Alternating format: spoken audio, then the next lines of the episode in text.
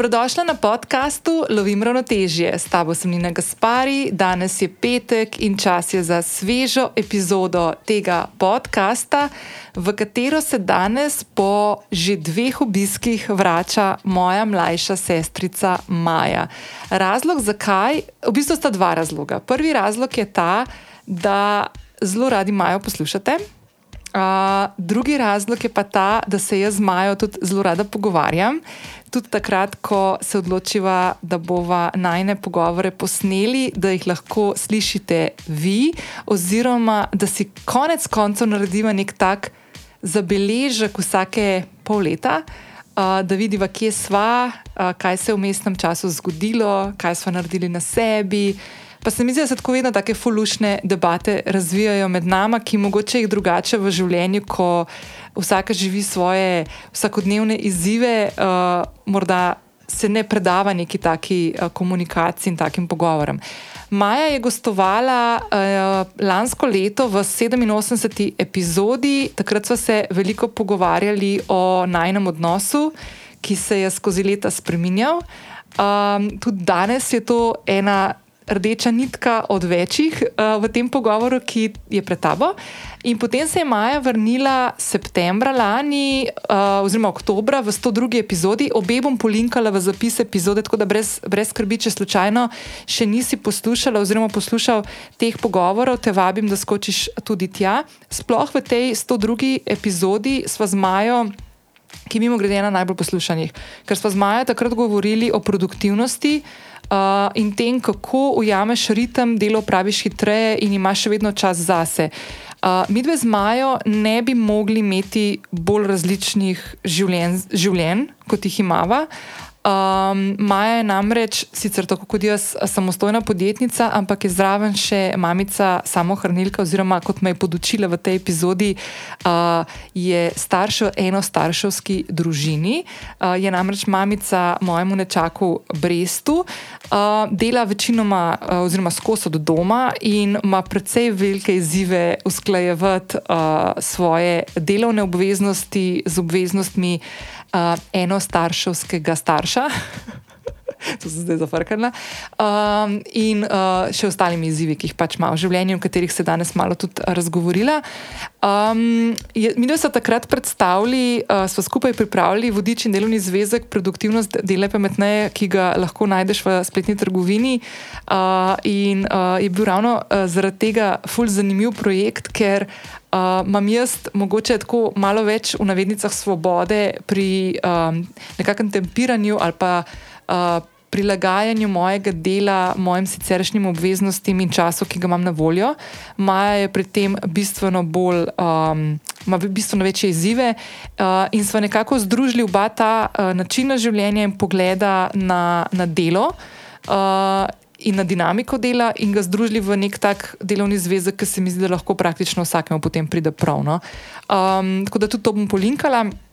Zdaj pa, da povem, o čem smo se danes pogovarjali. Um, jaz sem si nekako zastavila željo, da današnji pogovor nadaljujemo tam, kjer smo končali. Se pravi, da se pogovarjamo o tem, kako je zdaj skoraj vem, 8 mesecev potem, ko je Maja ugriznila v produktivnost, kako se kaj to kaže v njenem življenju, ali je kakšna stvar delala težave, ali je kakšna stvar um, mogoče sekala ven ali kaj pomagalo in tako naprej.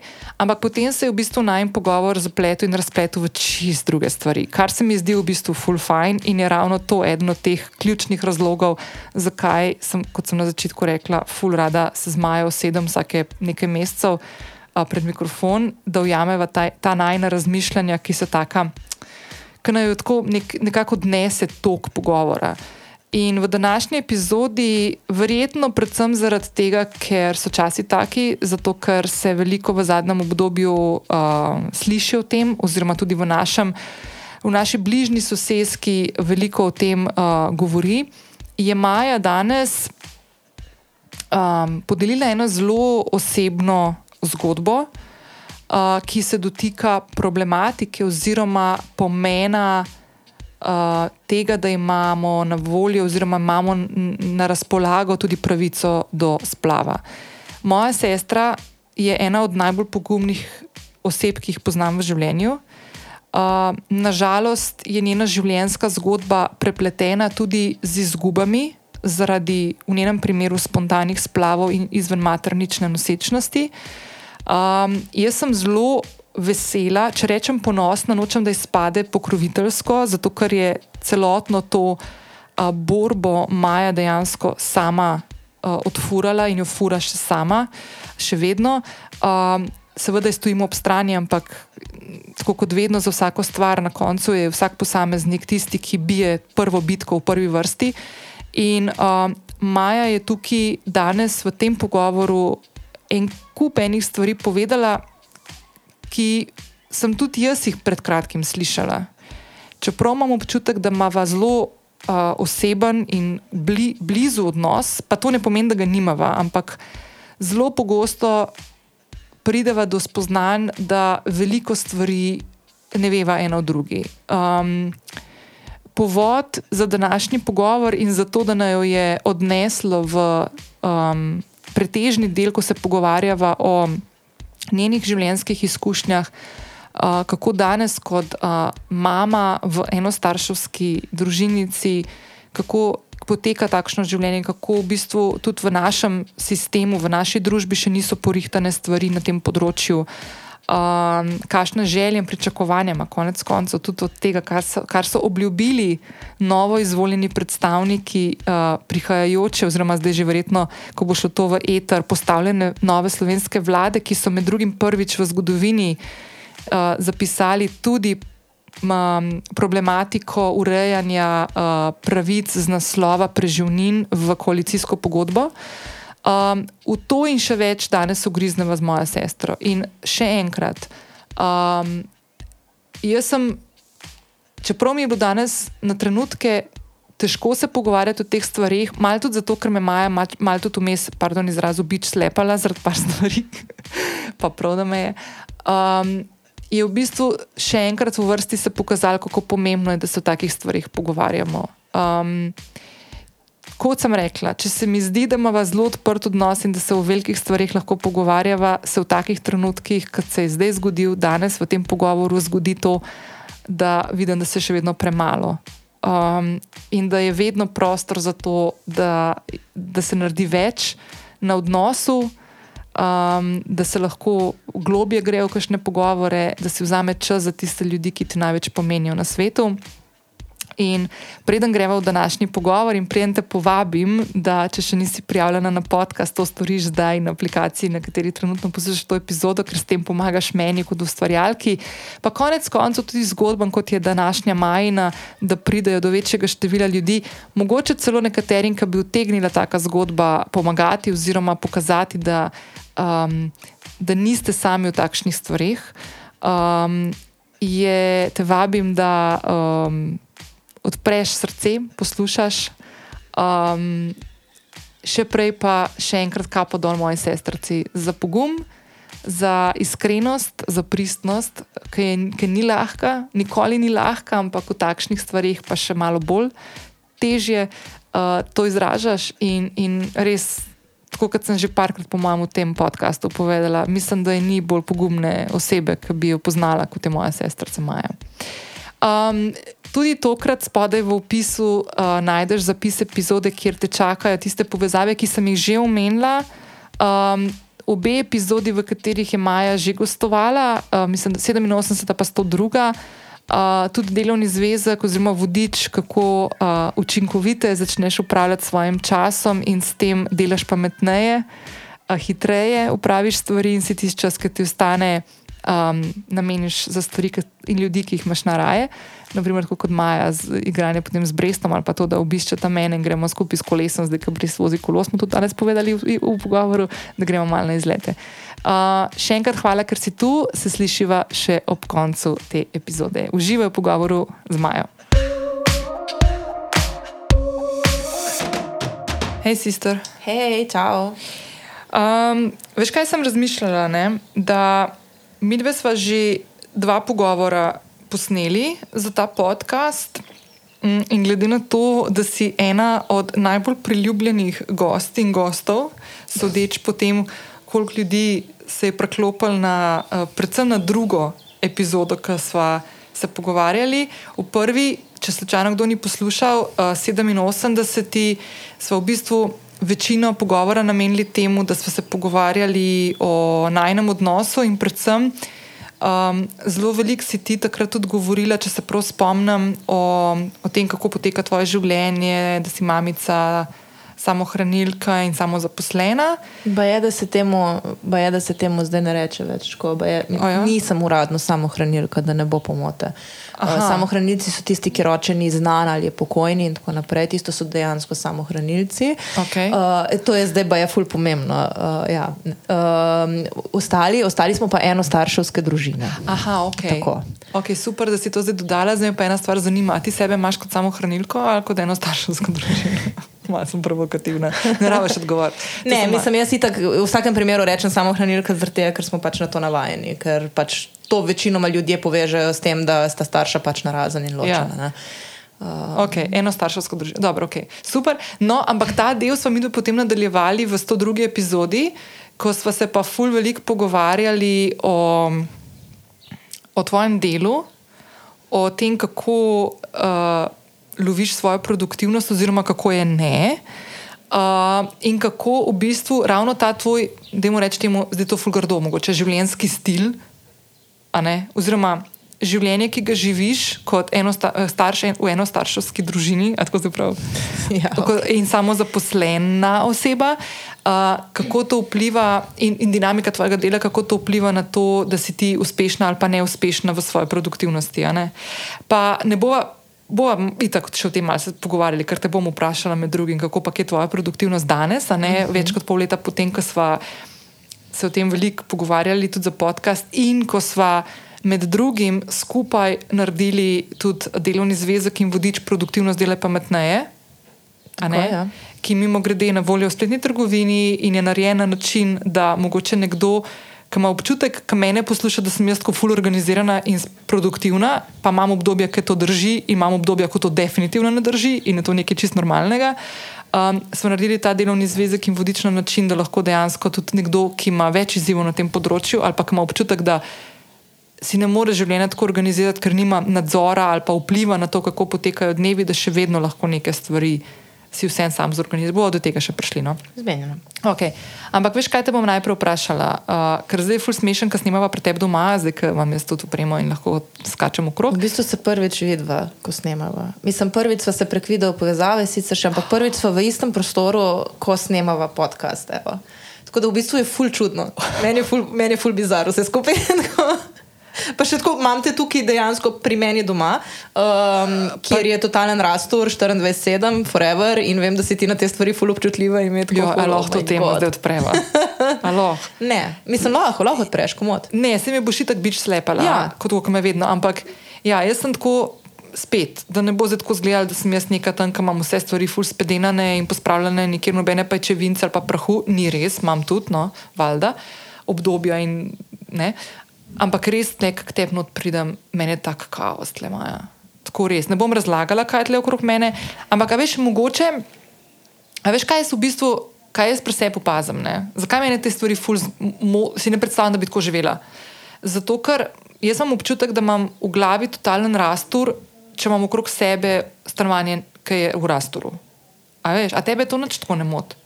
Jaz nimam občutka, da me moti. Mogoče jaz pač še nikoli nisem bila na taki stopni. Mislim, mi dve, let's face it, obe dve, ki smo bile, smo bile mlajši, ki smo odraščali skupaj, mi dve smo imeli obe rastor, vsak Ja, v ja, svoji ja. sobi, to je bila katastrofa na obeh koncih. Uh, in ti v bistvu, ko si začela samostojno življenje, ne, si v bistvu nekaj časa imela zelo, pod, še vedno zelo podobno kot doma, potem si se pa počasi začela ful v bistvu rihtati stvari okoli sebe, v smislu pospravljenosti in tako naprej. In smo to vsi okoli tebe ful hitro opazili in nam je bilo tako ful čuden, v bistvu, ker nismo bili tebe prenavajeni kot nekoga, Ja, ki ja. živi v ful urejenem okolju. No, ker jaz sem ker tudi pač pospra- imeli razmetano vse. Ja, vsi, ne. ker jaz sem tudi pospravljala tako, da sem flikala vse na dno omare, pa zaradi tega poloče enkrat znoru, pa mi vrata spantov. To, mislim, da smo to že pogovarjali. ne? Ja, ja. No, da ne bom ponavljala. Um, ne, ne, ti si šla ven iz tega. Ne? Jaz v bistvu iz tega nikoli čist zares nisem šla ven. Uh, jaz kadarkoli, konc koncev tudi, ko je, recimo, ko, ko je brest pri očetu. Ne? Um, ko imam jaz pospravljeno stanovanje, ko bi lahko tiste dva dni, ko ga ni doma, vzdrževala to pospravljenost, ponavadi pospravljam, preden brez pride domov še enkrat, ker pač jaz naredim mes. Uh, in niti ti, ti si rekel, da v bistvu ko imaš okoli sebe razmetano, imaš razmetano tudi v glavi. Ja. Uh, jaz imam vse čas razmetano vse okrog sebe in vse čas imam razmetano vse v, v glavi. Tako da niti ne vem, kakšen je feeling, če nekaj časa res full zdržuješ čistočo.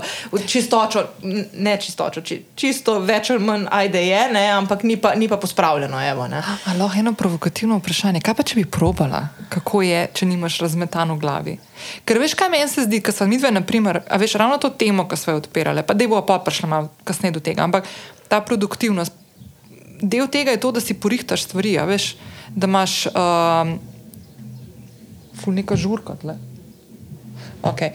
Mogoče se bo slišala muska zadnji, maj in prmaj so žureri čez dan. Ne, ampak veš, da če si ti če imaš ti na vse konce in kraje razparcelirane svoje možgane, pol bistveno časa porabiš za določene stvari, zato ti, da ti nitke skupaj daš takrat, ko jih moraš, ker rabiš neko stvar upraviti. Ne? Definitivno. definitivno. No? Veš? Da, ja, ne, se, ja, se mora človek lotiti. Ampak, ko smo ravno pri uh, produktivnosti pa postavljanju stvari na svoje mesto in tako naprej. Moram reči, da sem se v zadnjih parih tednih, sicer ne, ne gre za daljše obdobje, ampak nekaj malega je na tem področju vseeno narejenega. Vem, da ti mogoče tega ne vidiš, ampak jaz, ko pogledam svoj kuhinjski pult in vidim, da je polovica kuhinjskega pulta prazna, to je to full dosežek. Uh mhm. -huh ker ponovadi je cel poven. In sem se naučila tudi, in tudi ta malček je zdaj mal bolj, pa če ne drugega se zaigra, ali, ali pa je pred televizijo tistih par minut, pa je tako pre, predolg pred televizijo, ampak Um, da rečem, jaz grem pa zdaj pospraviti po kuhinji in da se pač lotam in po večerji pospravim v stroj in tako naprej, ker ponovadi to vse ostalo do naslednjega jutra, ko je tam šel v vrtec in takrat sem potem prej sem začela delati, recimo te stvari zložila. Ne? Tako da zdaj kakšno stvar naredim tudi sproti. No, no ampak čeprav, če greva pa čisto iskreno, ker če bi ti moja pečica odprla, bi tako padla na rad, zato ker je totalno ogabna in moram jo počistiti, nisem jih fulno dat. Tako da jaz razmišljam, da bi si kar en servis najela, samo zato mi čistil, da mi pride nekdo spucati. Ja, se jaz ga imam vključenega v najmnino, tako da no, enkrat na mesec in no. to mi res od teh ta fulno. Dobro, zdaj smo še fulno neke ja. te pepelka zgodbe. Ampak, no, okay. ne, ampak tle smo si mi dve ful različni, po eni strani ja, po drugi strani niti ne tokno. Um, so pa obe bili tako precej nemar. nemar. Ma ne nemarni, tako pač niste nam dali pospravljati nikoli. To res ni bilo to neka taka stvar. Jaz pa sem zdaj ratala tako v zadnjih desetih letih, po mojem, taka, da imam rada stvari na svojem mestu, pa da me začnejo hitro motati. Um, da me začnejo hitro motiti stvari, ki vidim, da, so, da, da je kaos. Ja, me, jaz, jaz, mene začne neka taka uh, tesnoba, me začne v bistvu loviti. No? Ne, se, se, gledaj, se štekam, da te, meni, je, meni je v bistvu kul, cool, da, da te tesnobe nimam, pred, tudi konc koncev zaradi tega, ker ko pa enkrat imaš otroka in je mes vse čas okrog, okrog tebe in si že itak zmozgan in utrujen, meni ta scena, da ne vem, ko gre otrok spat, da moraš, moraš pol vse pospraviti in tako naprej, kar marsikdo sicer počne in mu je to ok. Uh -huh. uh, jaz si tega ne predstavljam. Jaz sem po koncu dneva recimo zmozgana in se brez slabe vesti fliknem na kavč, pa če imam zraven sebe za tri stroje oblek za zložiti, jih tisti večer ne bom zložila in mi v bistvu gladko dol visi za ja. tiste obleke takrat, ker mi je tiste pol ure, uro ko se spočijem na kavču, veliko bolj pomembno, pomembno od tega, da imam, da imam zložene obleke tisti večer. Recimo, ne, ja, ja, ja. ne tako se da... teštekam, se le tako, tako totalno brez neke sodbe, da bi te tle zdaj neki hotla prbijati. Ampak veš, kaj mi je pa druga stvar, ki mi je zanimiva, se, zdaj se spomnim, ko smo se z Barbito pogovarjali tam v 130. epizodi. Um, Ker smo govorili o tem, kako v bistvu otroka ti s svojim zgledom navajaš. Ona je takrat omenila sicer primer, prehrane, ne? uh, da ne moš ti otroku govoriti, da ne nekaj je, če ti zraven ne boš imel razvitih nekih prehranskih, zdravih prehranskih navad. Ampak le podobno, ne? kako naprimer ti bresta lahko motiviraš, da on pospravi svojo sobico. Ne? Ker on ima ful take tendence. On je po mojem tako, jaz pa ti krat dva na potenco, ki začne, ki prija, on mora imeti rast. On najbolj funkcionira takrat, ko ima vse avtočke zunine. Ja, da, kaj, da, vid, da vidi, kje ima. Ja, ja. Vse mora naenkrat stres. Ne more enega samo vzeti iz košara, ampak mora celo košaro okrog obrniti. Ja, ampak... Tistega enega, ki je bil na vrhu košara, je dobro.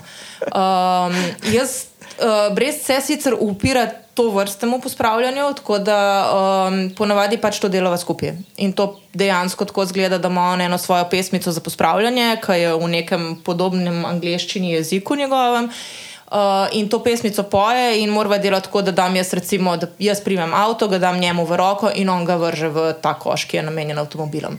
Um, in mora biti točno ta vrstni red. In potem smo zmožni zanjiti, recimo, celo njegovo sobo, jaz se ne hecam, v, v manj kot petih minutah je, bila, je bilo v, vse pospravljeno, tako boljš kot. Če je sama pospravila eno uro, recimo. Um, pa sva šla v recimo, tekmovanje, jaz bom to pospravila, ti boš to, kdo bo prvi, ker zdaj je full obdobje tisto, kdo bo prvi, neki na redu, nekam prišel in tako naprej.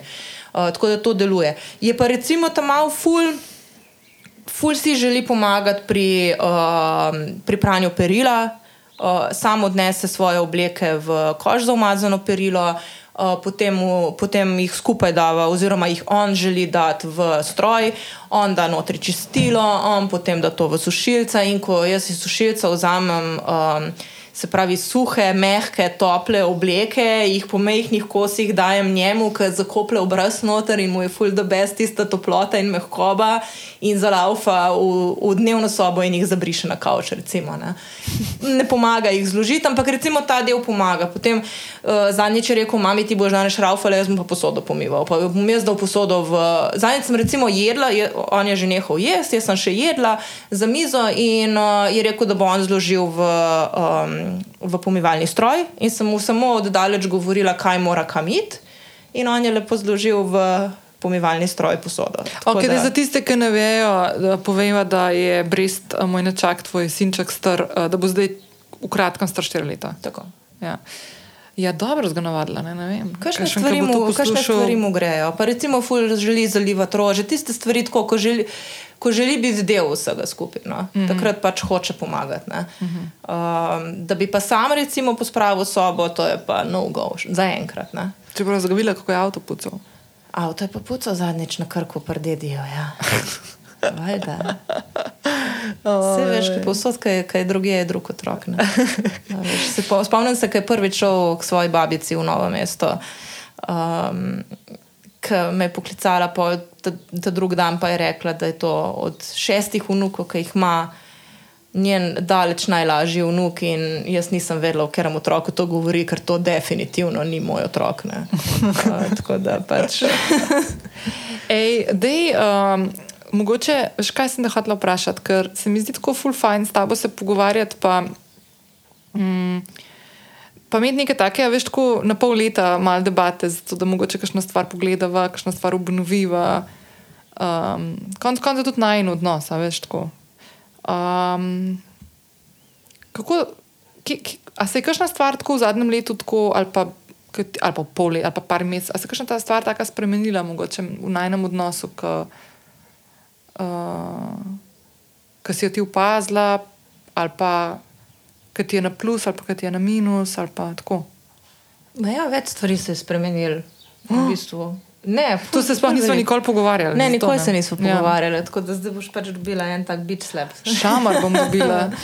um, ne, pač ok, v zadnjem letu imaš ti pač um, partnerja, prej si bila kar dolg časa sama, kar sem bila tudi jaz, preden sem te zadnjega partnerja imela in zdaj v zadnjih štirih letih. Tako da um, Glika je začela muska igrati, ko si zdaj rekla tako. Ja, okay. Enega soseda manj, ki ima tri otroke, pa dela od doma in ki grejo v šolo, pa v vrtec, ponovadi malo nabije musko. To je bilo drugič povedala, preden pridem jaz z opremo snemati. Okay. Upam, da se ne bo preveč slišala, ampak nek tudi stucije. Okay. Um, tako da ja, pač v zadnjem letu imaš partnerje in valjda, valjda se, je, do, se določene stvari spremenijo, to je logično. Kaj, um, na primer? Ful veliko govoriš o njemu, oh. včasih malo preveč. Res. ja, ja. Uh, ampak se po eni strani štekaš, pač vidiš, da zdaj večino časa prostega, ki ga imata. Preživite skupaj in večina stvari, ki se vam v prostem času dogaja, jih preživite skupaj. In potem je logično, da ko razlagaš o svojem prostem času, kaj se ti je nekje zgodilo, da je pač ta oseba zraven. Čeprav lahko um. stvar, tle sem skočil noter, se to mi je fulj zanimivo opaziti, mislim, me ne preseneča, no, valjda se mi zdi to nekaj čist normalnega. Ampak po drugi strani pa, ker naprimer jaz, ko gledam, pa se spomnim za nazaj neka, neke odnose, ki sem jih imela. Um, Jaz se mi zdi, da sem bistveno več v človeku, ker je bila to neka taka idealizacija, pa tako zelo um, nezdravi odnosi so bili. No? In se mi zdi, da sem tudi iskala neko potrditev zunaj. Pa tako, sem ful več govorila o tem, o tem človeku, konkretno kot naprimer danes, plus bistveno več časa sem hotela preživeti s tisto osebo kot danes. Ful sem tako bolj posesivna. Jaz imam zdaj občutek, da ogromno enega svojega časa, ki je namenjen me, moj uh, stvarem, ki niso povezane, naprimer, mogoče konkretno z nekim mojim delom. Um, Da, raz, da, da imam ogromno časa, ki ni povezan konkretno z mojim partnerjem. Ne, sej, gledaj, sej je tudi ful velika razlika, ok, ideal, idealizacija neki je. Jo je bilo več na začetku, kot jo je zdaj, Da, kar je spet, normalno. to so normalne in logične stvari. Uh, predvsem pa je drugačen način pogovora. Ti govoriš o uh, zanimivih, čudnih, bizarnih stvarih, ki so se ti ali vama zgodile, ko sta vidva nekje bila ali pa ko sta kam šla, ko sta se, ne vem, ko sta TV gledala neko oddajo, whatever. Um, prej je bilo pa mogoče bolj poudarjanje tudi težav. Ki jih imaš v, v razmerju, in ki iščeš uno ne veš, potrditev, potrditev da pa, pa se sem prav reagirala. Ne, Ja, saj nisem recimo, jaz ne. kriva, ne. Pač teh debat zdaj nimamo. Ja. Ne, tako, da, uh, tako da že tukaj se ful velik, uh, v bistvu vidi, da to ni neka ne, Se pravi, kaj hočeš povedati? da bizarna v bistvu. Ja, ne vem, kakšna je vajna veza. Pač jaz ne dobivam občutka, da je karkoli slabega v njej, tako da kul, cool, the best. Ja, se ni, mislim. Mislim, ful je zanimiv. Ken, ja, nisva se še tako neki spičla, neki razen, no, pač. Kakšno, kakšno hrano, ko so kaj lačna, takrat sva znala biti sitna. Ne, drugače pa res nisva še neki spičla, kar mi je v bistvu ful zanimiv. Ja, ja, tako da ni, veš, ni nekih debat, ne vem, jo, jaz sem Kaj prav naredil. reagirala, kaj mi je naredil, da veš, takrat mi je bilo pa res bed, pa, ne, ne, ali pa da bi recimo. Ali pa da sploh ne bi govorila, zato ker bi imela mogoče težave, to sem jaz recimo delala, ne, da pač nisem povedala, kaj se dogaja. Ne, ker je bilo govorila. štal in tok, Ja. v bistvu, sorry za besedo, ampak totalnih pizdarij, a veš, da, Ja. da nobenemu nisem razlagala, kaj se dogaja in da sem se v bistvu zaprla sama vase. Tako Sam da- by the way, a veš kaj je ful zanimiv? Ti si zadnjič um, na Twitter napisala par stvari. Uh, na eno temo se lahko sama poveš, če hotela. Ampak ti si na Twitter par stvari zanč napisala, ki sem jaz tako brala in o tem nisem vedela. Vse, nisem vedela sem, ampak ne o vseh stvarih. Ja. Tako da še danes, leta kasneje, ne, iz tvoje zadnje veze, prihajajo meni stvari, ki jih, naprimer, pa se pogovarjava. Ne? Ker jaz Ja. nimam občutka, da se mi dva ne bi, pa da bi jaz čisto zdaj bila oh, šokirana. Ja. Ampak so določene stvari, ki jih jaz še do tega leta nisem vedela, ki so se zgodile pet plus let nazaj. Ne? Ja. So bile stvari, ki ne bi še danes vedeli, če ne bi jaz tega pač ok povedala, tako zdaj v zadnjem času javno, ampak eh, ne za ta, po mojem, ta drugi splav, ki sem ga imela, vsaj mami, mami je vedela, ampak vsaj fotor ne bi vedel, če me ne bi pač, če ne bi bila en teden v bolnici in ko me je ta tretjič poklical, kje sem in samo neki motovila okolj, sem pa dejansko rekla, da sem v izoli.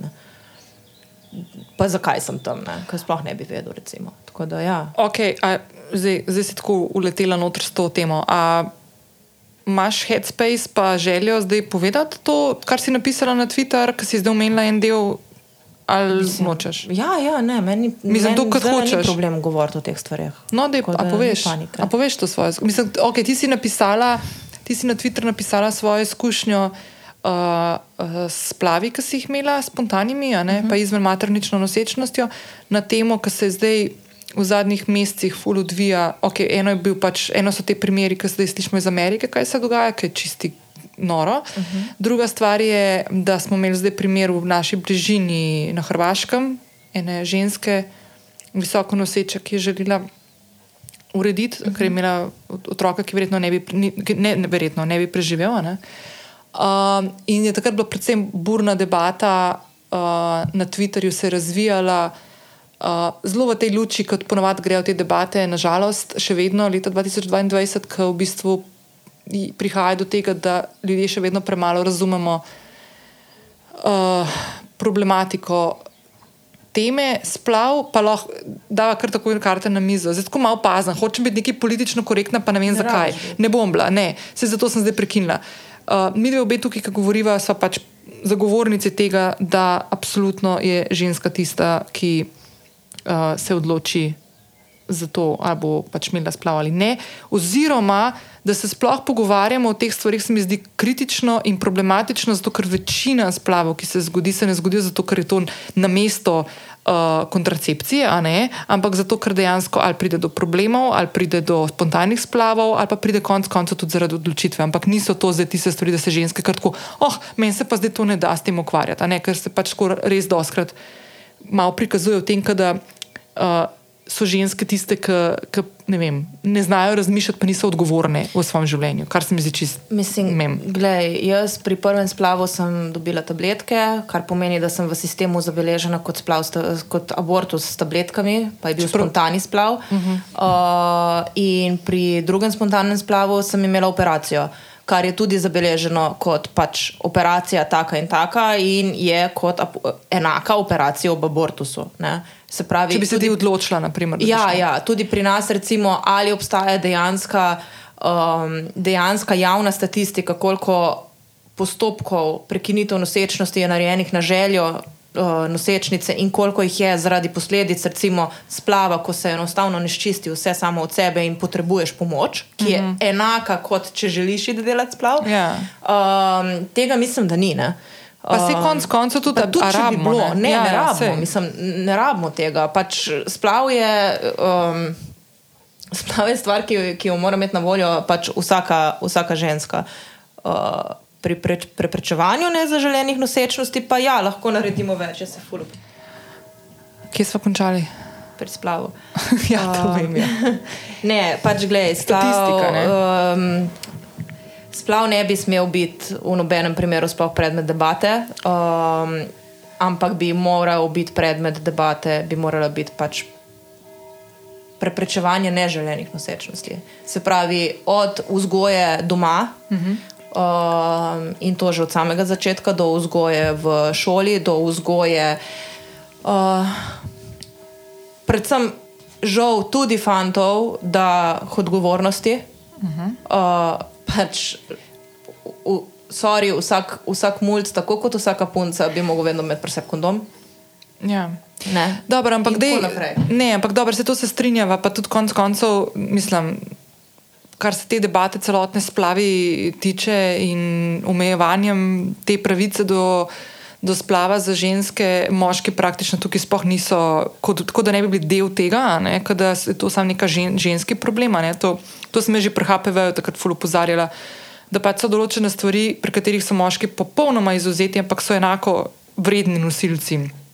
Odgovornosti in konc koncev nekih posledic. Prva stvar. Čeprav tukaj pri teh zadevi, kar se splava tiče, v bistvu je ženska tista, ki lahko konec koncev sama ostane, pa donosi otroka in potem skrbi za njega. Tako da tle ni glih enako pravno, ne? mislim, enako vredno. Mislim, če želi, se lahko moški umakne kadarkoli, ženska se ne more. Žensko se teže, ja. lahko se, lahko se teže. Ampak, ja. no, ampak druga stvar, ki je Maja, ne sem hodila to, um, sem hodila mogoče mal bolj.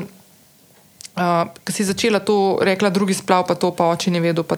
Ne, lahko ti poveš, kako se je to pri tebi sploh zgodilo, kaj se je zgodilo? Ali lahko poveš to, kar si napisala na Twitterju? Naprimer? Ali ti je zopr? Mislim, meni se, men se je prva nosečnost zgodila v bistvu po, po neumnosti, bila je nek fling za eno noč. Uh -huh. um, zgodil se mi je to, zato jaz recimo ful ne odobravam um, um, načina kontracepcije kot štej dneve in pazi in umakni se takrat, ko je, ko je, uh -huh. ko je mhm. trenutek, ko se je treba umakniti in tako naprej, ker pri meni je v bistvu med večino tega odnosa bil uporabljen kondom v tem primeru, uh -huh. uh, razen nekje vmes, crka minuta, dve, dokler nisem opazila, da ga ni.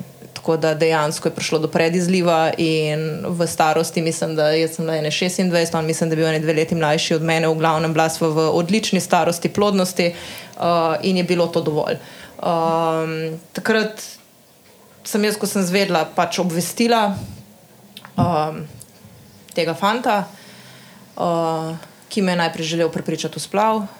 Uh, ko sem mu dala vedeti, da sem jaz to o tem odločila in da ne, nisem še odločena, uh, je sklizno, je zginil. Uh mhm. -huh. Tako da sem se v bistvu potem s tem, da sem doživela spontani splav, s tem, da so se zadeve zakomplicirale, ker se pač ni vse ščistilo, da sem hodila dvakrat na teden iz Ljubljane v Izolo na teste, na ultrazvoke, mesec in pol, izgubila 8 kg od živcev in tako naprej, sem se jaz s tem ukvarjala pač sama. Uh -huh. uh, in na koncu šla tudi na tisto tabletko, ki ni delovala. Tako da to je bila moja prva izkušnja v bistvu s plavom, uh, spontanim.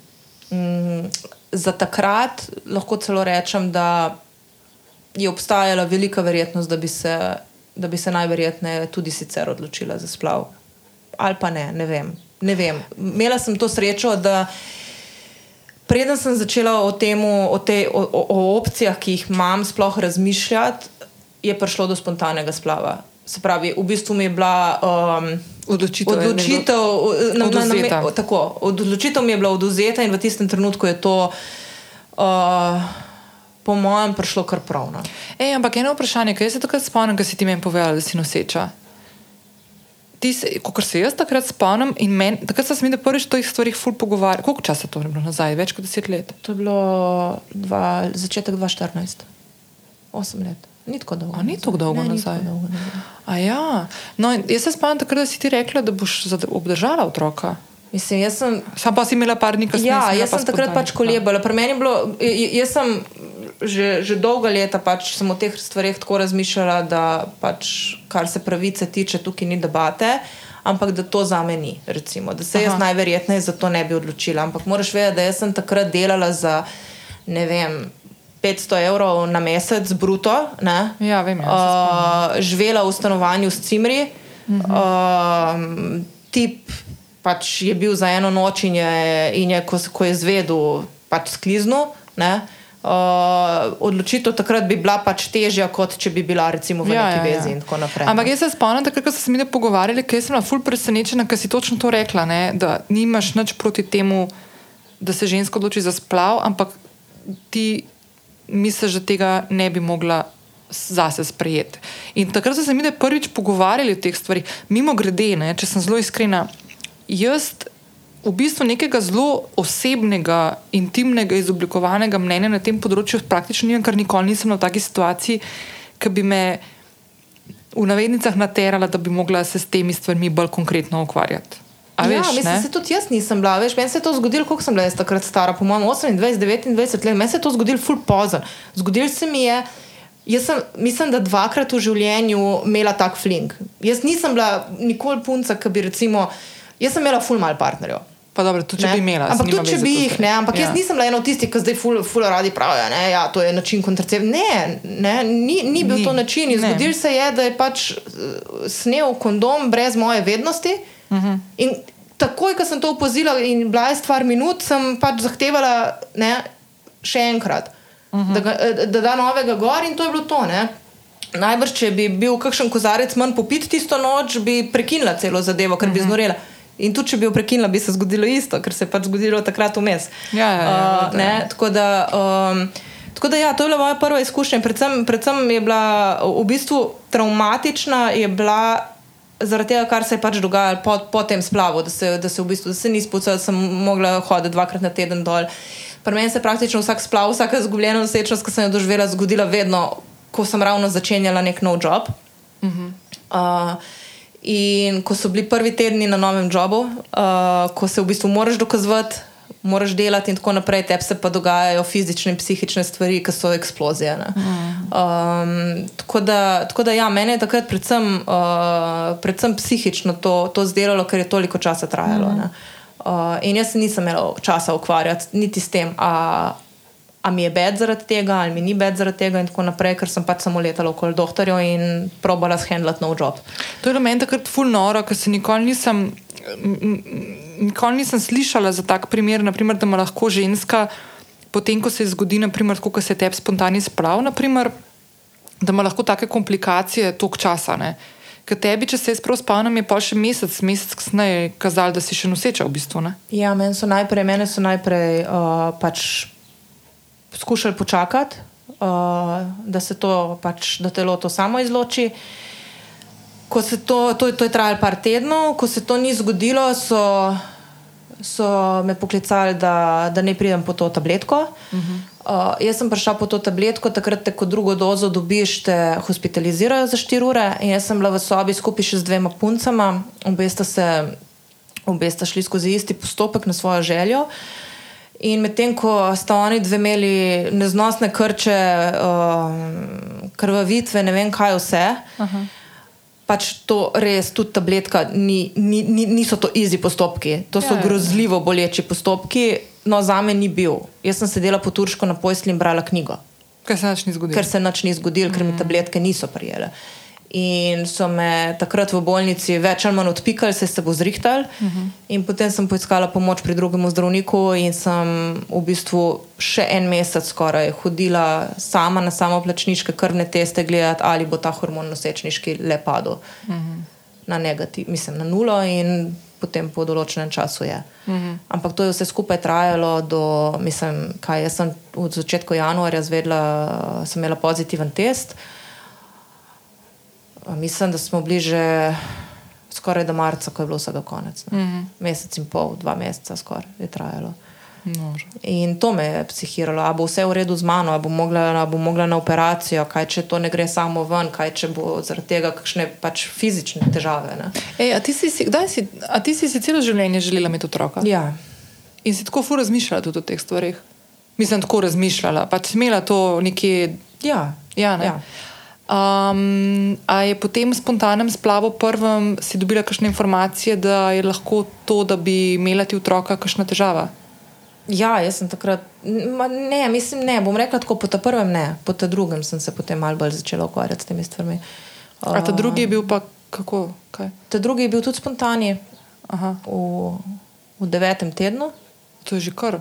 Ja, ja, to je že kar. Takrat že vidiš utrip in tako naprej. Uh, In takrat sem bila za en teden hospitalizirana in so spremljali, spremljali, spremljali, uh, dokler utripa ni bilo več. Uh mhm. -huh. Jaz sem se takrat fully ukvarjala s tem, da recimo vem, da če v Ameriki dajo ženskam, ki so doživele splav, dajo um, progesteron v večjih količinah. Ki pomaga nekako na začetku, naj bi pomagal zadržati, ne zadržati nosečnost, uh, ker pač nekatere ženske imajo, imajo tega, tega hormona manj. Um, oziroma se jim takrat pač ne razvija dovolj ali nekaj, ne vem. Uh, v glavnem, pri nas tega ni bilo. Mene je tudi zelo skrbelo to, da uh, pri nas je prvi pregled v nosečnosti med 8 in 10 tednom. Uradni prvi pregled, tako da ti ga plača za ZZS, ne? pri tvojem ginekologu, prvi ultrazvok, takrat tudi vidiš mm -hmm. utrip in tako naprej. Večina splavov se zgodi prej. -huh. Mhm. uh, se zgodi v petem, šestem, sedmem tednu, osmi, deveti, potem. Ne? In jaz dejansko, uh, jaz pri nobeni, z izjemo zadnje, uh, nosečnosti, ki sem jo imela po rednem urniku, ne bi prišla do ginekologa pred splavom. Aha. Kar v primeru zunaj maternične nosečnosti je lahko zelo velik problem. Uh mhm. -huh. Zakaj? Zato ker pri zunaj maternični nosečnosti um, ta vrečka, v kateri se razvija otrok, preden se v gnezdi, se raste, se poveča in če je cevodu, je cevod počina. To se je zgodilo meni. -huh. In zdaj, jaz sem vedela, da se mi bo to zgodilo, jaz sem to pričakovala, jaz sem vedela, kaj moram narediti, ker sem šla prej samo plačniško na ultrazvok, ker se je videlo, da se nič ne vidi v maternici, da je najverjetneje mhm. zunaj maternične nosečnosti in tako naprej. In sem dobila napotke, kaj narediti. Če teh napotkov ne bi imela, bi jaz začutila pač en večer grozno bolečino, vzela proti bolečinsko tableto in šla spat, kar bi bilo lahko za me usodno. Ti bi lahko umrla takrat ja. zaradi notranjih krvavitev. Ja, ker začneš notranje krvavitev. Uh -huh. Kar se v bistvu lahko zgodi, naprimer, Eh, ženski, ki živi, naprimer, ki, rekla, tako, ki nima te sreče, da, da živi v Sloveniji, kjer imaš v ustavi napisano možnost, da prideš do splava, naprimer, kot se dogaja na Polskem, ja. kot se konca konca dogaja tudi na Hrvaškem, kjer več kot polovica ginekologov in porodničarjev ne želi, čeprav lahko, ne, ampak ne želijo zaradi ne vem svojih osebnih prepričanj. Mislim, v Ameriki imaš uh, politike, ki glasno sprašujejo, zakaj za vraga uh, prekinjati, prekinjati uh, zunaj maternično nosečnost. Mm -hmm. Zunaj maternično nosečnost se lahko prekine še preden počne cevod, če veš, kje je. Pri meni se to se ni videlo mm -hmm. in niso vedeli, kje je. Če veš, kje je, se lahko lotiš zadeve tako, da celo rešiš je cevod. jaz sem ga izgubila.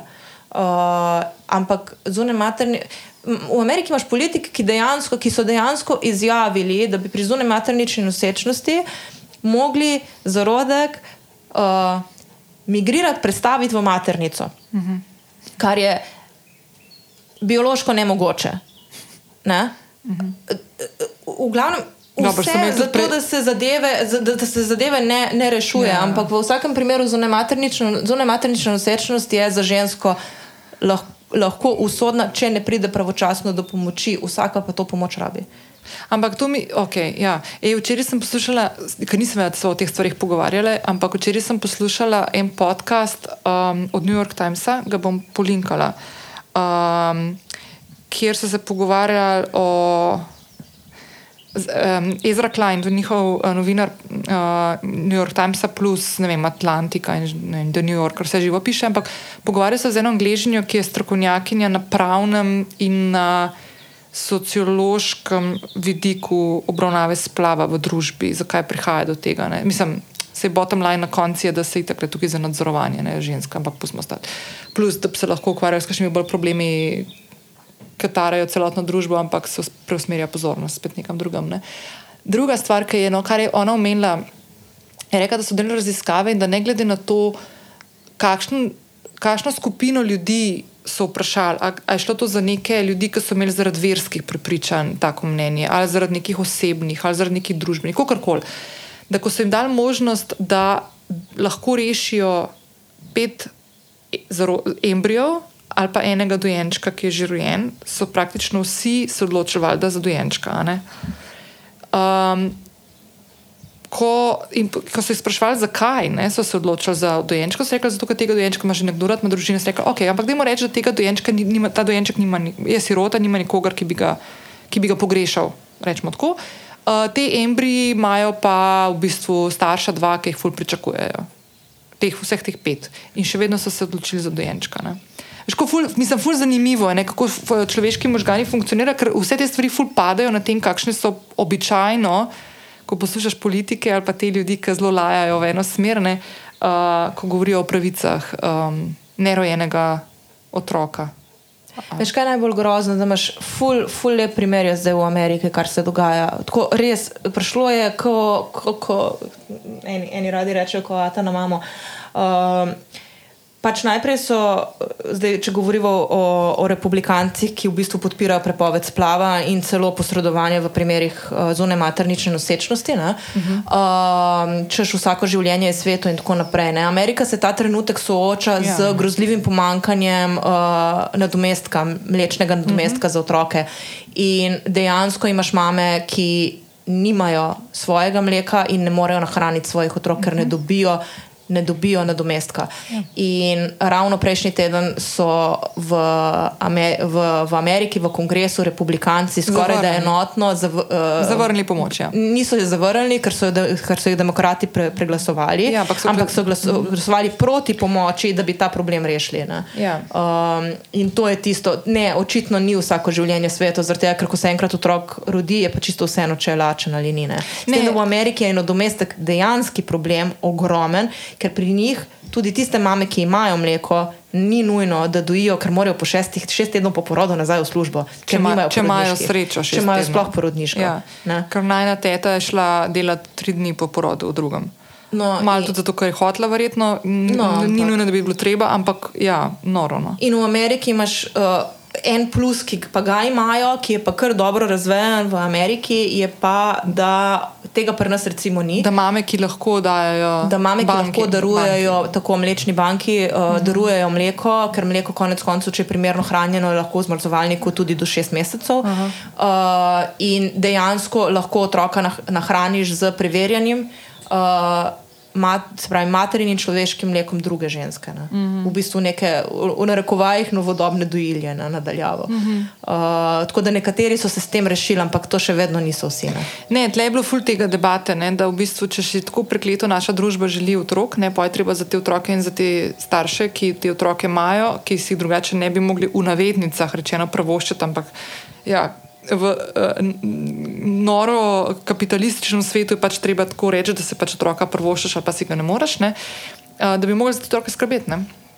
Država tudi konec koncev. Ker dejansko se ljudem, ki se to ponavadi dogaja, so ljudje, ki nimajo možnosti, da pridejo do zdravnikov, zato ker prihajajo iz predelov družbe ali pa iz uh, razredov določenih družbenih, ki nimajo možnosti, da bi prišli do te, do te pomoči, oziroma ali pa bili konec koncev tudi izobraženi v razno raznih. Mislim, država, Tudi leta ki bi- 2022. Država, ki bi želela, da otroci tudi da, da živijo normalno naprej, bi tudi poskrbela in da, niso, da so čim manj na plečih države, bi tudi poskrbela za to, da so preživnine plačane strani tistih, ki so zavezanci.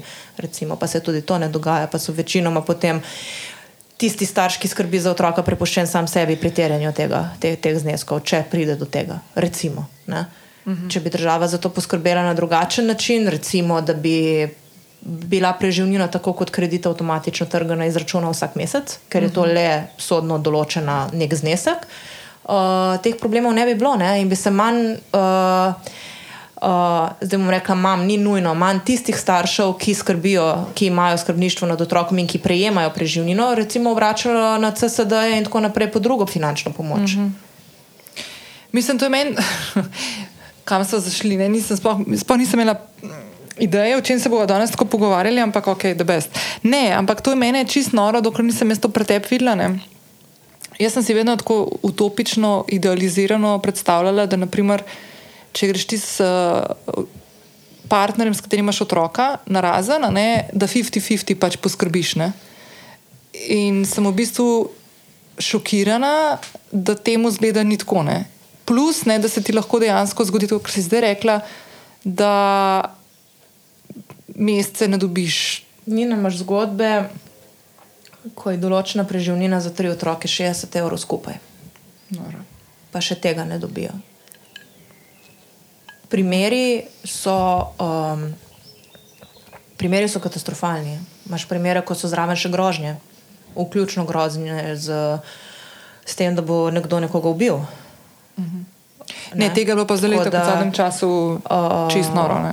Imáš vsega in tukaj, tukaj si prepuščen sam sebi, in tukaj lahko daš ne vem koliko prijav, pa ti rečejo, da je vseeno. Uh -huh. Pa daš prijavo maltretiranja, nasilja, groženja, ne vem kaj vse, in noben ne bo naredil nič. Dokler ne pride do nečesa, kar tudi lahko otroka obravnava. bojo recimo prisilili v stik s tako osebo, ker je to pravica tiste osebe in otrokova pravica. Uh -huh. Ampak, uh -huh. ne, tako da, gledaj, zgodb je, zgodb je ogromno in tukaj je treba še ful narediti in jaz upam, da bomo tukaj zdaj v, v prihodnih letih čim več lahko naredili. No. Bom videla, mogoče se bo v kratkem lahko tudi o tej temi kaj malo bolj mm. pogovarjali. No.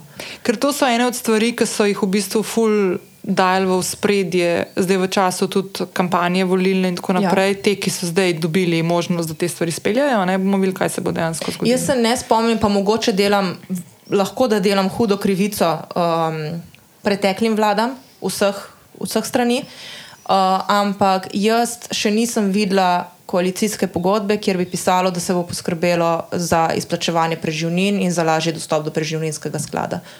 Tega jaz v koalicijskih pogodbah še nisem videla, v tej, ki, ki je trenutna, uh, pa to je notri. Tako da Lej, lahko se zgodi, da ne bo izvedeno, valjda vemo, kaj so Ja. koalicijske pogodbe in tako naprej, ampak to se je znašlo v koalicijski pogodbi, prej tega ni bilo. Mm -hmm. In to je, se mi zdi, ful pomemben korak. Ampak, ko sva, š- zdaj, ko smo govorili o splavih in tako naprej, ne, jaz mislim, da imamo tukaj mi ful, en, en, ful, en večji problem. In sicer, da se ukvarjamo z tistim majhnim odstotkom uh, splavov, ki se zgodijo na željo ženske, ne ukvarjamo se pa z preostalimi odstotki. Uh -huh. uh, meni, recimo, v, ne pri prvem, drugem, tretjem, nima veze, uh, zunaj maternične nosečnosti in tako naprej. Uh, to so trauma. Mislim, mi se ukvarjamo z ženskami, ki, uh, ali pari, ki si otroka pač ne želijo. Ki jih je majhen odstotek, in, želi, in jih želimo na vsak način prepričati in jim nuditi vso možno pomoč, zato da bi se za otroka odločili. 3 milijone slovencev do 2030. ne? Ja, ja. Tiste ženske, ki pa nosečnost izgubijo, želeno nosečnost izgubijo, -huh. pa ne dobijo nobene pomoči. Tiste ženske so, maybe teden dni na bolniški, uh -huh. medtem ko še krvavijo, grejo nazaj v službo. Večinoma nihče ne ve, da so sploh bile noseče, ker uh -huh. je bilo še prezgodaj, ker še niso povedale.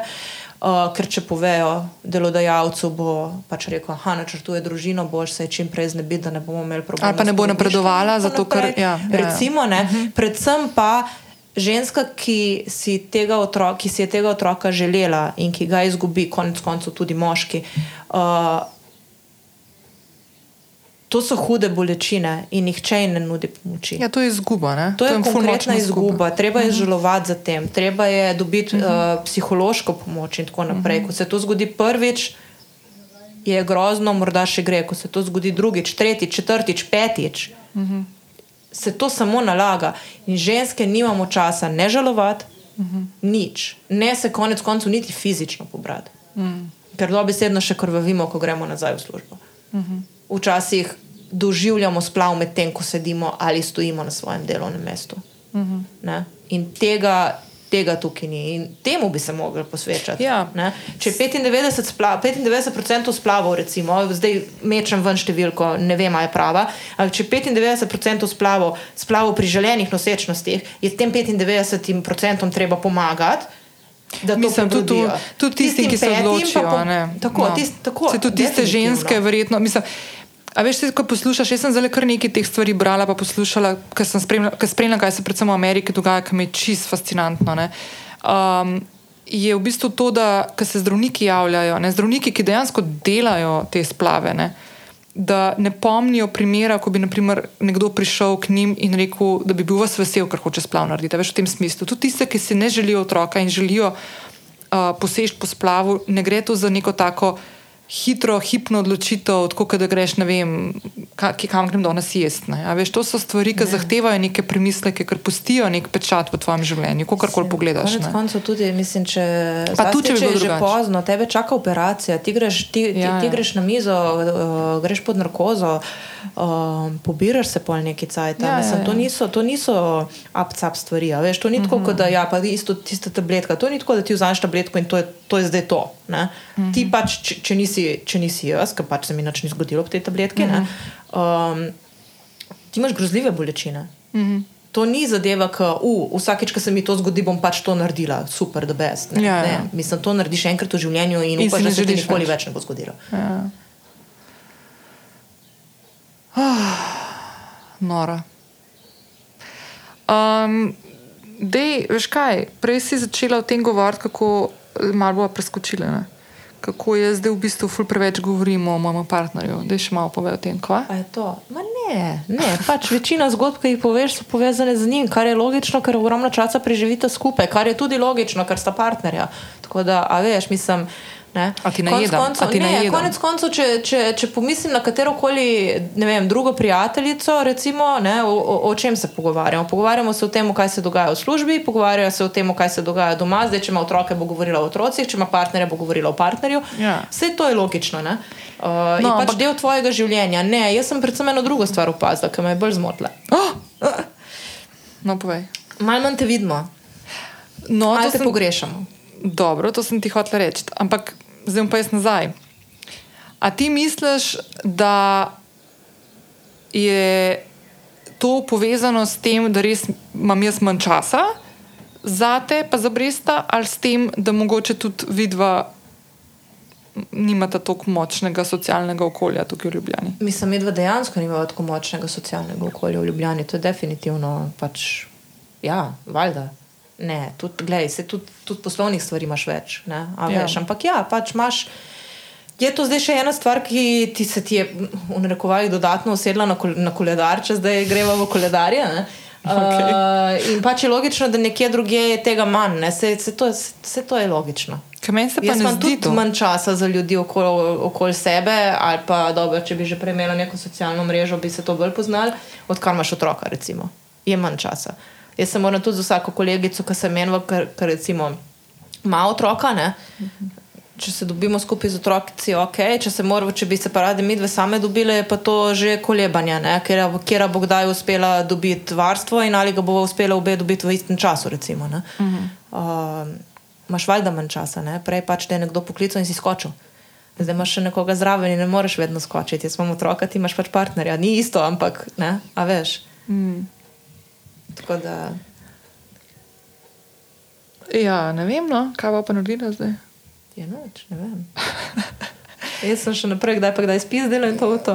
Vse se nisi, to mi sploh nisi nikoli tako nekaj povedala. Vse se spizdim, ker te ni zraven. A Ja. okay.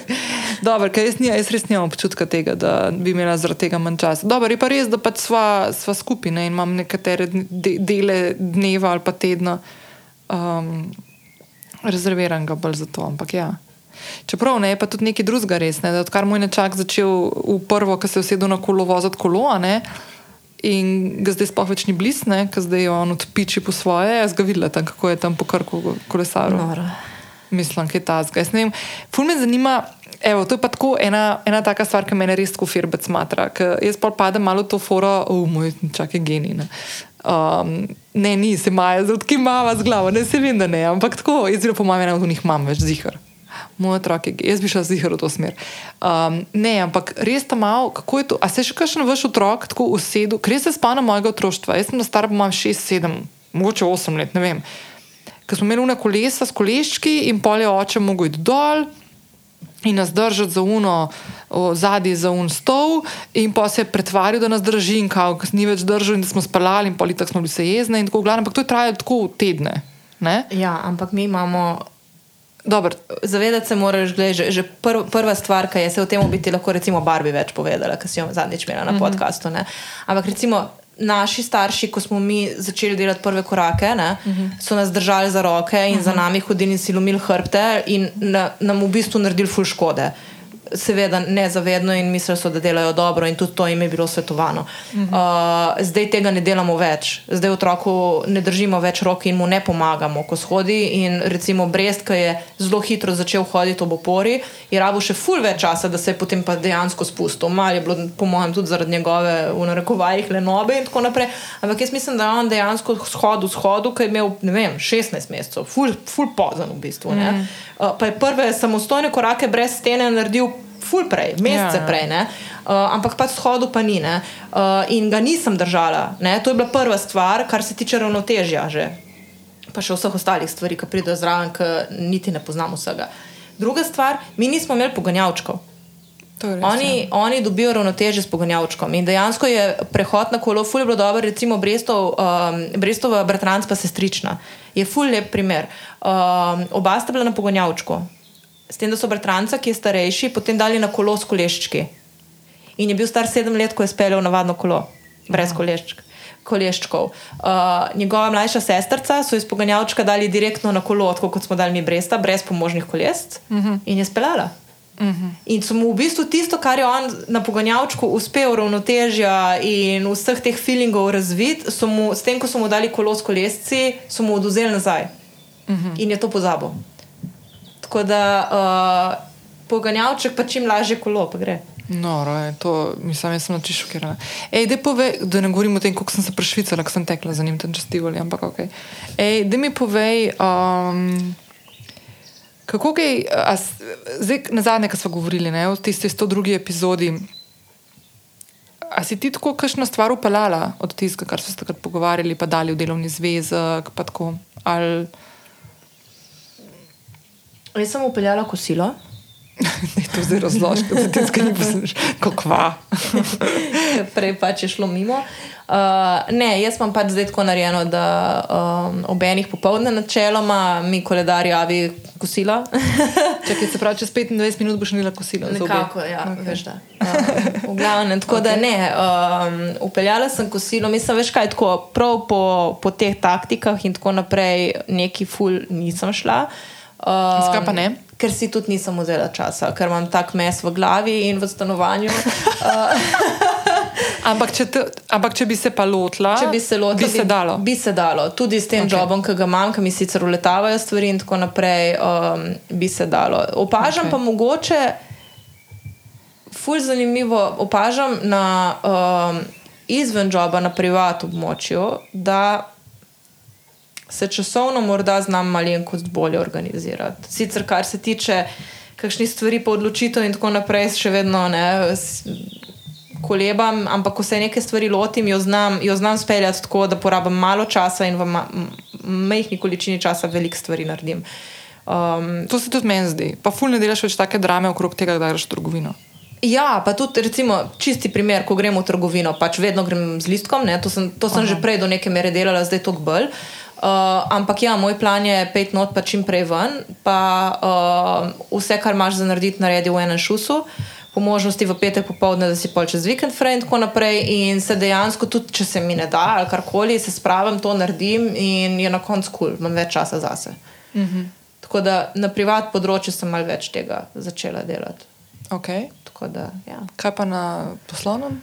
Pa na poslovnem pa več ali manj še vedno letavajo stvari. Okay. Um, je pa tako, da sem. Navadila sem se predvsem tega, da ne skočim takoj. Pri meni je bilo vedno, meni pač uletavajo stvari, lahko, lahko dobim full stvari naenkrat, lahko mi čez cel dan kaplajo, lahko par ur noč ne dobim mm. in tako naprej. In jaz sem ponovadi taka, vedno bila, da ko sem neko stvar dobila, sem jo, sem jo čim prej hotela narediti, ja. zato da je to čim prej rešeno. Uh, zdaj pač ne skočim več toliko. Ej, eno vprašanje, ali imaš notifikacije prižgane? Notifikacije imam prižgane, vendar jih imam prižgane samo in izključno za služben mail. Uh, zato, prežgala sem si jih pa v bistvu zato, ker grem kdaj tudi skočen do trgovine ali karkoli. In včasih, če kakšne naloge ne dobim, se lahko tudi sedem odzoni na kakšno kavo. Uh mhm. -huh. Tako sem pa vse čas gledala maile, kdaj bo mail prišel, kdaj bo mail prišel in tako. In pa sem si naredila notifikacije. In vidim že vnaprej, da je treba se obrniti, pa, pa, pa, pa iti čim prej domov, ali imam še kaj časa. Okay. Tako sem jih v bistvu iz po, za pozitivne stvari sem si uvedla notifikacije. Veš, zakaj ti to sprašujem? Zato, ker jaz sem tudi, naprimer, ne, ne za vse službene stvari, ampak so določene ali, ali kakšen tak projekt, pa, ali pa mogoče.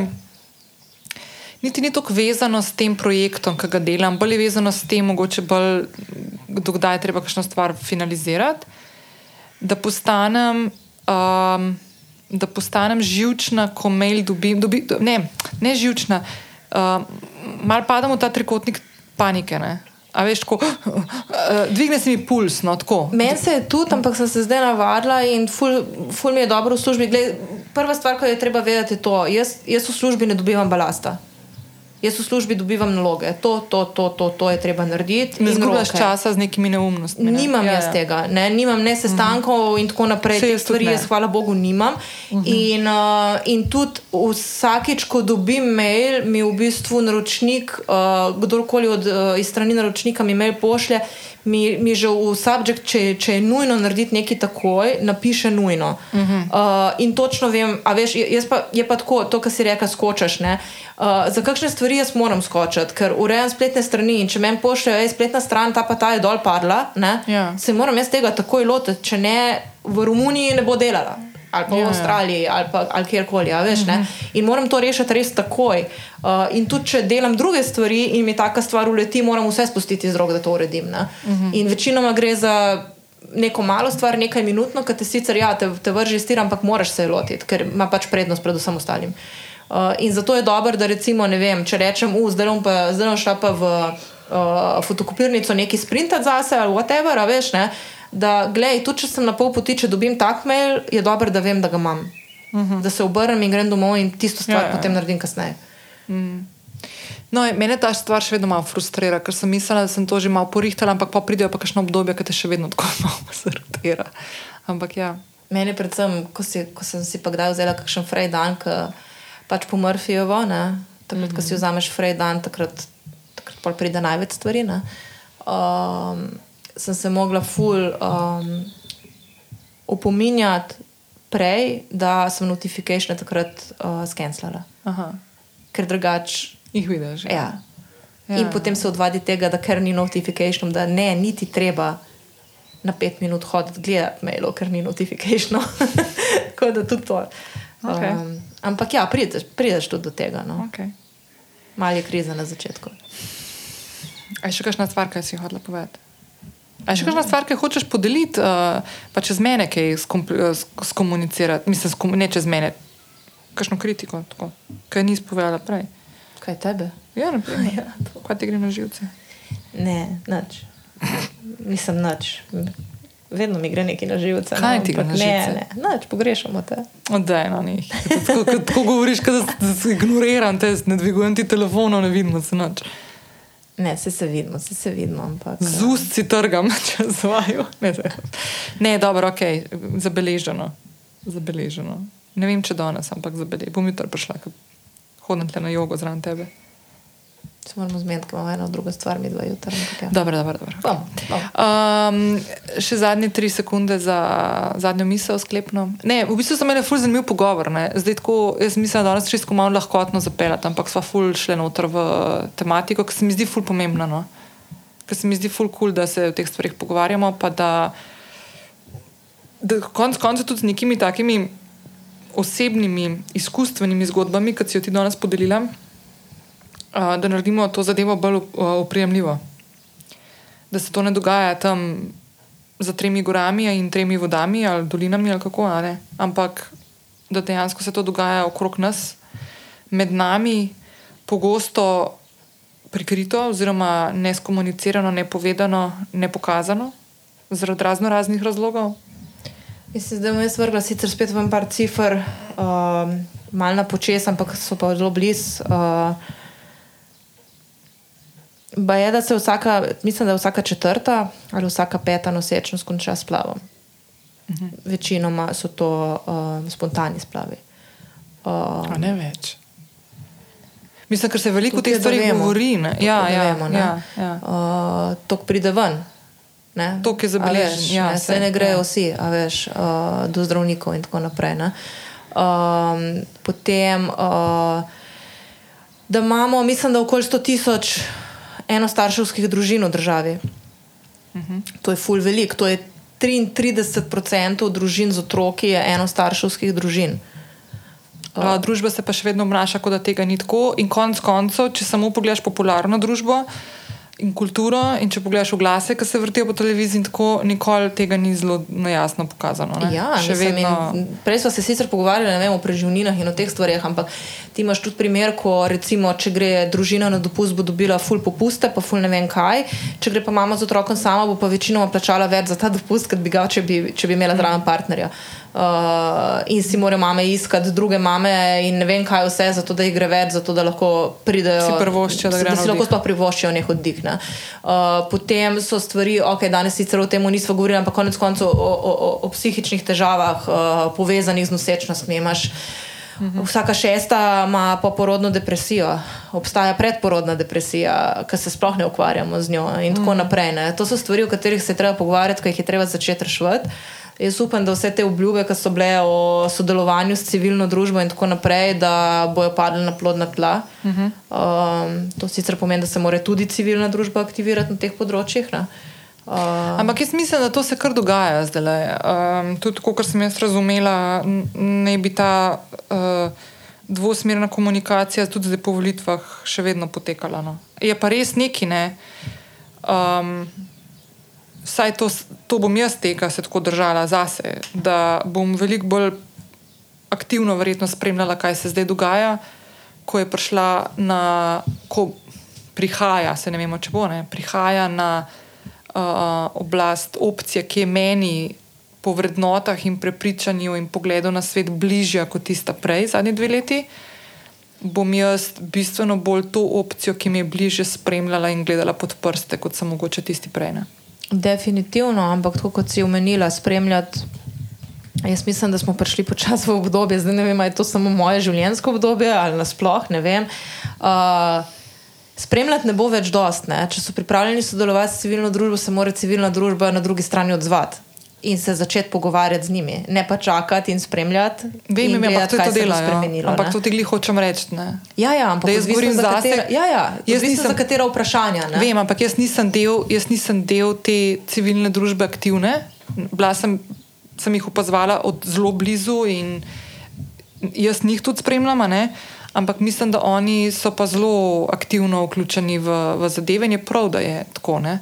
Ja. Um, in tudi, kaj mi je še všeč, še ena stvar, ne? tukaj si pa tudi ti mi malo namigov dala, pa ni treba zdaj konkret, konkretizirati, zato ker to so stvari, ki še tečejo. tako. Ampak um, odprtost uh, predstavnikov civilne družbe, ki so v zadnjih dveh letih naredili res velike premike, pa smo se o tem že tu ful pogovarjali, tudi konec koncev je bila Nika Kovač, gostja tukaj, pa Alenka uh, iz Smetu Met uh, v stoti epizodi, pa tako. Bom polinkala, um, je, je to, da so, kljub temu, da imamo občutek, ne, da, je, da so bili um, usmerjeni v neka področja, ne vem, ali je bil zakon, vo, uh, ta referendum za vode ali pa volitve, pa tako, vsem so odprti za predloge tudi na področjih, ki mogoče nismo imeli občutka, da bi jih pokrivali. Ne. Tako da se mi zdi tukaj ful pomembno to, da se konec koncev lahko tudi vsak od nas s kakšnim predlogom, idejo, um,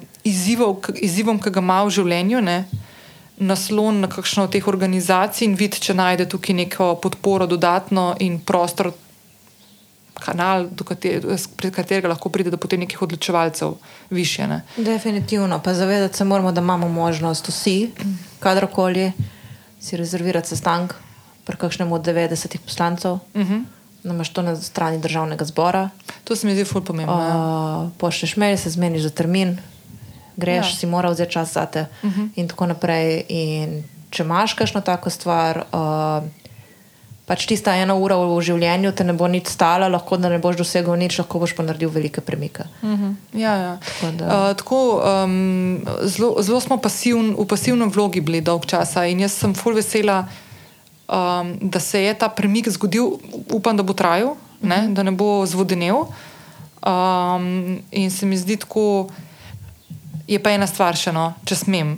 Bom, veš kaj bom izkoristila, zdaj, ko se glih o teh stvarih pogovarjava, da bom še eno zadevo uh, omenila. V, mislim, da bom prvo pogledala, mislim, da v 111. Uh, mislim, da v 111. epizodi ja, sem jaz gostila Marto Kos. Uh -huh.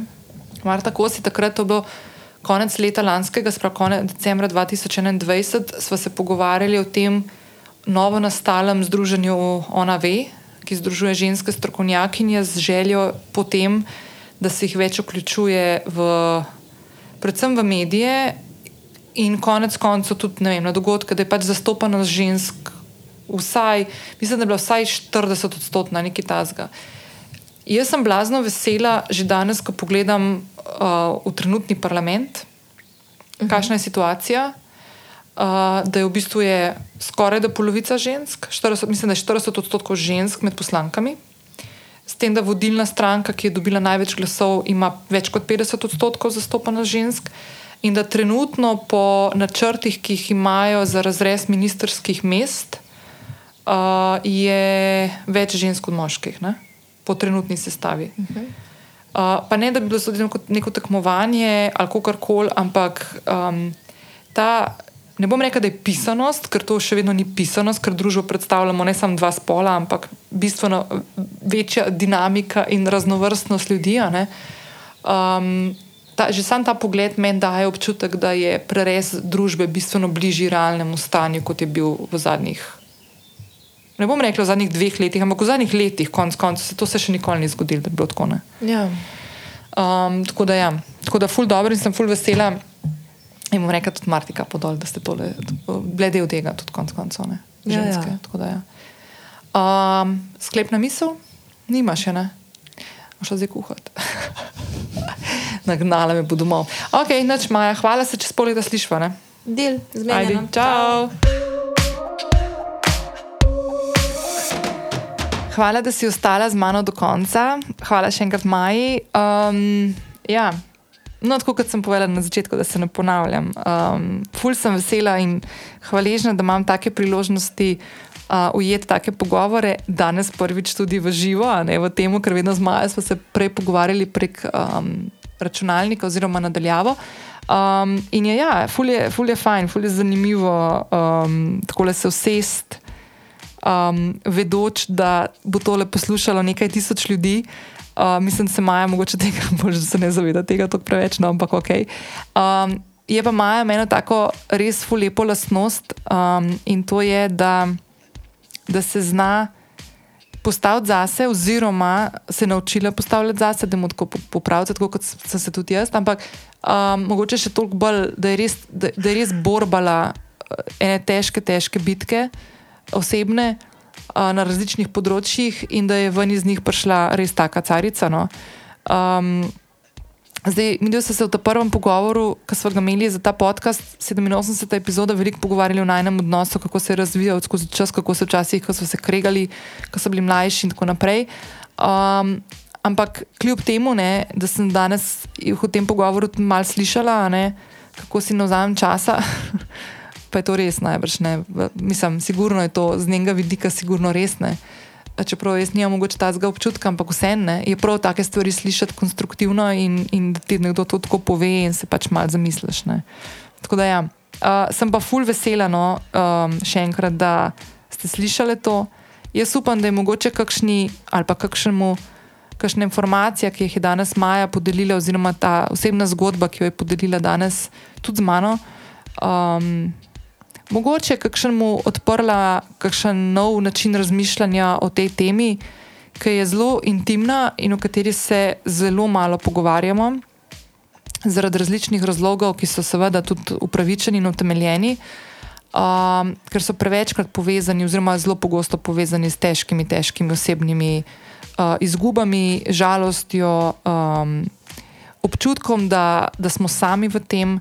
Um, in meni, naprimer, kot ženski, ki da bi vedela, nikoli ni imela um, takih situacij in primerov, da bi uh, imela spontani splav, da bi vedela. Um, mi taka zgodba, kot je Majna, ko jo pove skozi svoje oči in doživljanja, ful veliko pomeni. Um, ker mi pomaga razvijati občutek empatije, um, občutek bližine, uh, kar je za odnose z ljudmi, ki jih imamo na rajšem svetu, ful pomemben. In jaz sem res, res ful hvaležna moji sestri, kraljici Maji, da, da je danes to povedala. Uh, jaz tebi in vsem želim en krasen petek, še lepši vikend, uživajte v soncu, uživajte kjerkoli boste in se slišimo spet k malu. Ciao!